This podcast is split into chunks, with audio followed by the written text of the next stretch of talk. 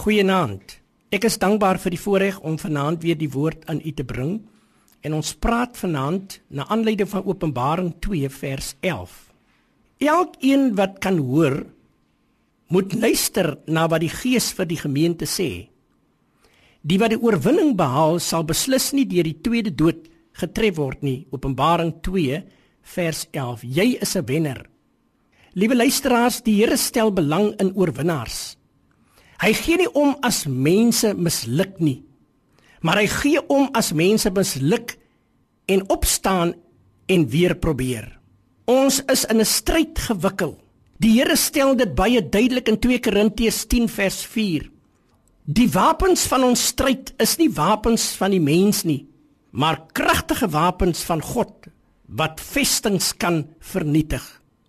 Die Here gebruik die woorde wat die oorwinning behaal ten minste 5 maal in Openbaring 2. Ek sou sê hy probeer 'n boodskap aan elkeen van ons oordra. Jy is 'n wenner.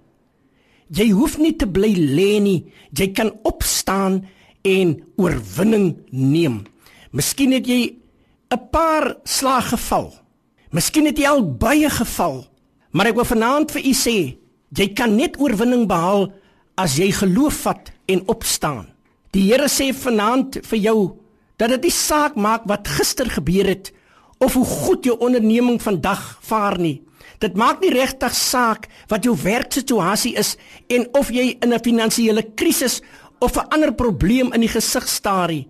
Wat vanaand belangrik is, is dat jy nooit sal verander nie. Jesus Christus is gister, vandag en tot in ewigheid bly hy dieselfde. Hebreërs 13 vers 8.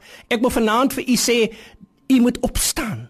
Jy moet geloof vat en weet die Here kom vir jou deur. Ons taak is om te oorwin en aanval is die beste verdediging. Ons moet die woord van die Here gebruik. Ons moet aanhou om die situasies te bewerk sodat die Here dit kan sien en om jou oorvloedig te laat wees. En ons die oorwinnaar sal wees wat hy wil hê ons moet wees. Dankie Vader dat ons vanaand vir U kan vra dat U ons meer as oorwinnaars maak. Here, uit onsself uit Vader, kan ons dit nie maak nie, maar met U aan ons kant is ons oorwinnaars. Amen.